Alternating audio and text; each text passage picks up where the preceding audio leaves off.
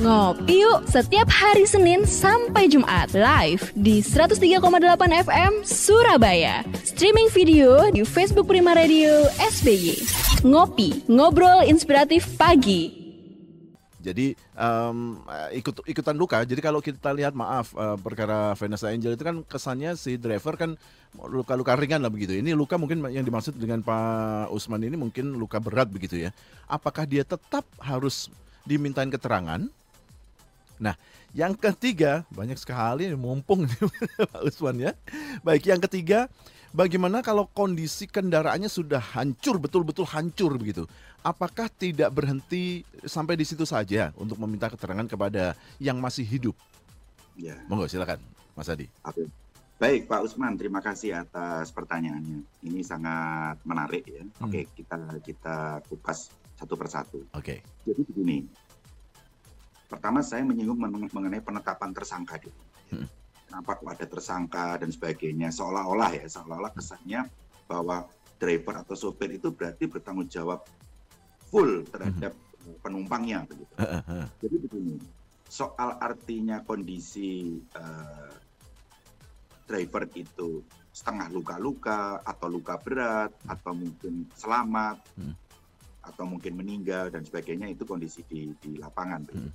Jadi penetapan tersangka yang ditetapkan oleh pihak kepolisian sebetulnya tidak tidak otomatis begitu termasuk oh. sang driver dari Vanessa si hmm. Jody atau kalau nggak hmm. salah namanya hmm, hmm. itu awalnya juga juga baik-baik saja begitu jadi setelah digali setelah memberikan keterangan setelah memberikan uh, reka ulang lah dan sebagainya itu barulah dapat ditarik sebuah kesimpulan ya bahwa dengan kondisi yang dia sampaikan penjelasan atau keterangannya maka dia menjadi ditetapkan sebagai tersangka artinya bukan berarti bahwa semua sopir yang artinya mengalami kecelakaan hmm. pasti akan terjadi tersangka tidak. Oh, enggak ujuk-ujuk begitu ya? Enggak ya, Tidak. Oh, tidak. Okay. Jadi ada ada faktor-faktor yang yang harus dilalui juga.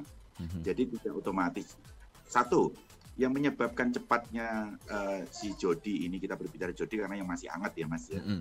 Itu menjadi tersangka dan menjadi viral begitu satu. Dalam peristiwa lapangan di lapangan kecelakaan ini kecelakaan tunggal. Jadi tidak menabrak, tidak ditabrak, ya hanya menabrak beton dan sebagainya begitu. Oh Tapi iya iya iya iya. Itu juga jadi satu pertimbangan. Mm -hmm. Beda dengan adanya mungkin kita pernah melihat ada kecelakaan beruntun melibatkan mungkin lebih dari dua tiga kendaraan. Hmm. Nah, itu juga dicari penyebabnya begitu. Siapa yang paling salah? Kendaraan paling depankah atau kendaraan yang paling belakangkah? Hmm hmm. patut untuk dikaji juga gitu loh. Hmm. Kalau beruntun itu yang paling salah yang mana? Penyebabnya kan yang paling depan begitu. Hmm. Tapi kan beruntun terus sampai lima atau sampai kadang-kadang tujuh kendaraan hmm. saling berkarambol ya. Yang karambol. Tapi kalau untuk kecelakaan tunggal begitu, hmm. itu memang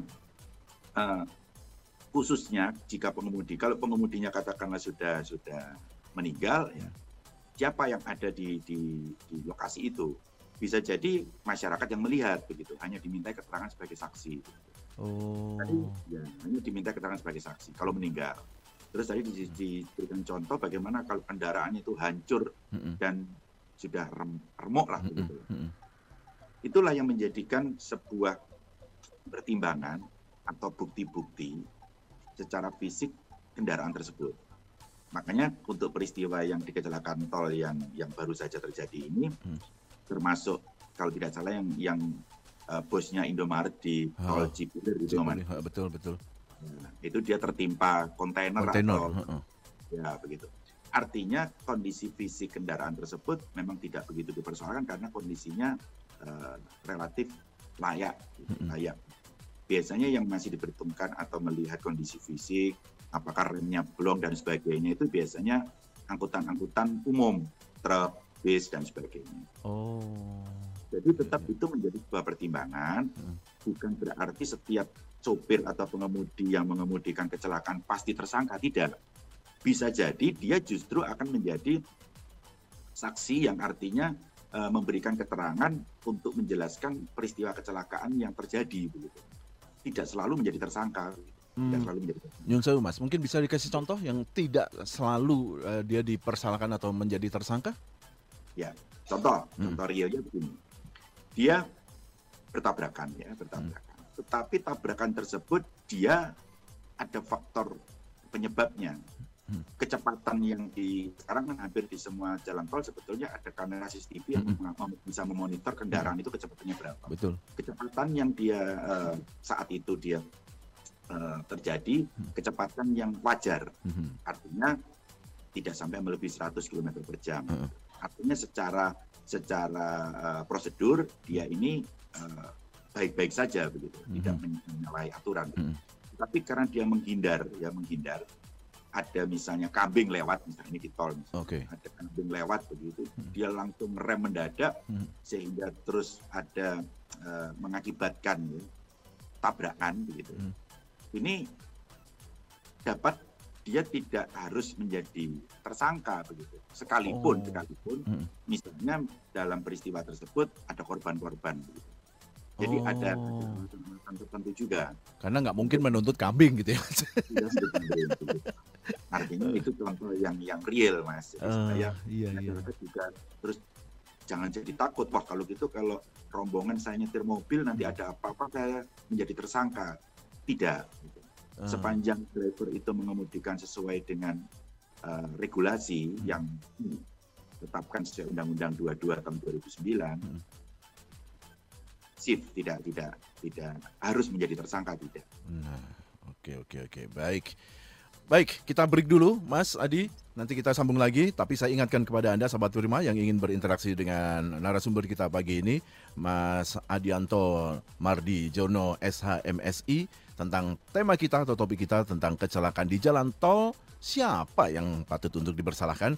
Saya ingin mengajak Anda untuk menikmati minuman yang menyegarkan air mineral dari Cheers Alkaline Power 230 ml ini sahabat Firma.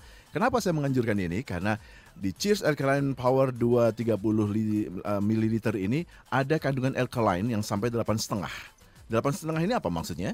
Karena alkaline yang delapan setengah itu akan bisa membantu menyeimbangkan pH tubuh Anda sahabat Purima sehingga daya tahan tubuh lebih terjaga dan melindungi Anda dari virus. Wow, kan hati-hati nih dengan mengkonsumsi lebih banyak minuman uh, berenergi, minuman mineral dari Cheers ini, Anda bisa menjaga semuanya itu dengan rutin mengkonsumsi. Ya, bentuknya yang kecil dan seksi ini akan memudahkan Anda untuk membawanya ke mana pun dan di ke saat kapan pun juga. Kalau Anda tertarik mau memesan, silakan Anda bisa memesannya di 0877 77 243377 0877 77 243377. Sahabat Prima di rumah saja, nanti kami Cheers akan mengantarnya. Cheers Ecoline Power 230 mili, seksi, healthy, and easy. Ngopi yuk setiap hari Senin sampai Jumat live di 103,8 FM Surabaya. Streaming video di Facebook Prima Radio SBY. Ngopi, ngobrol inspiratif pagi.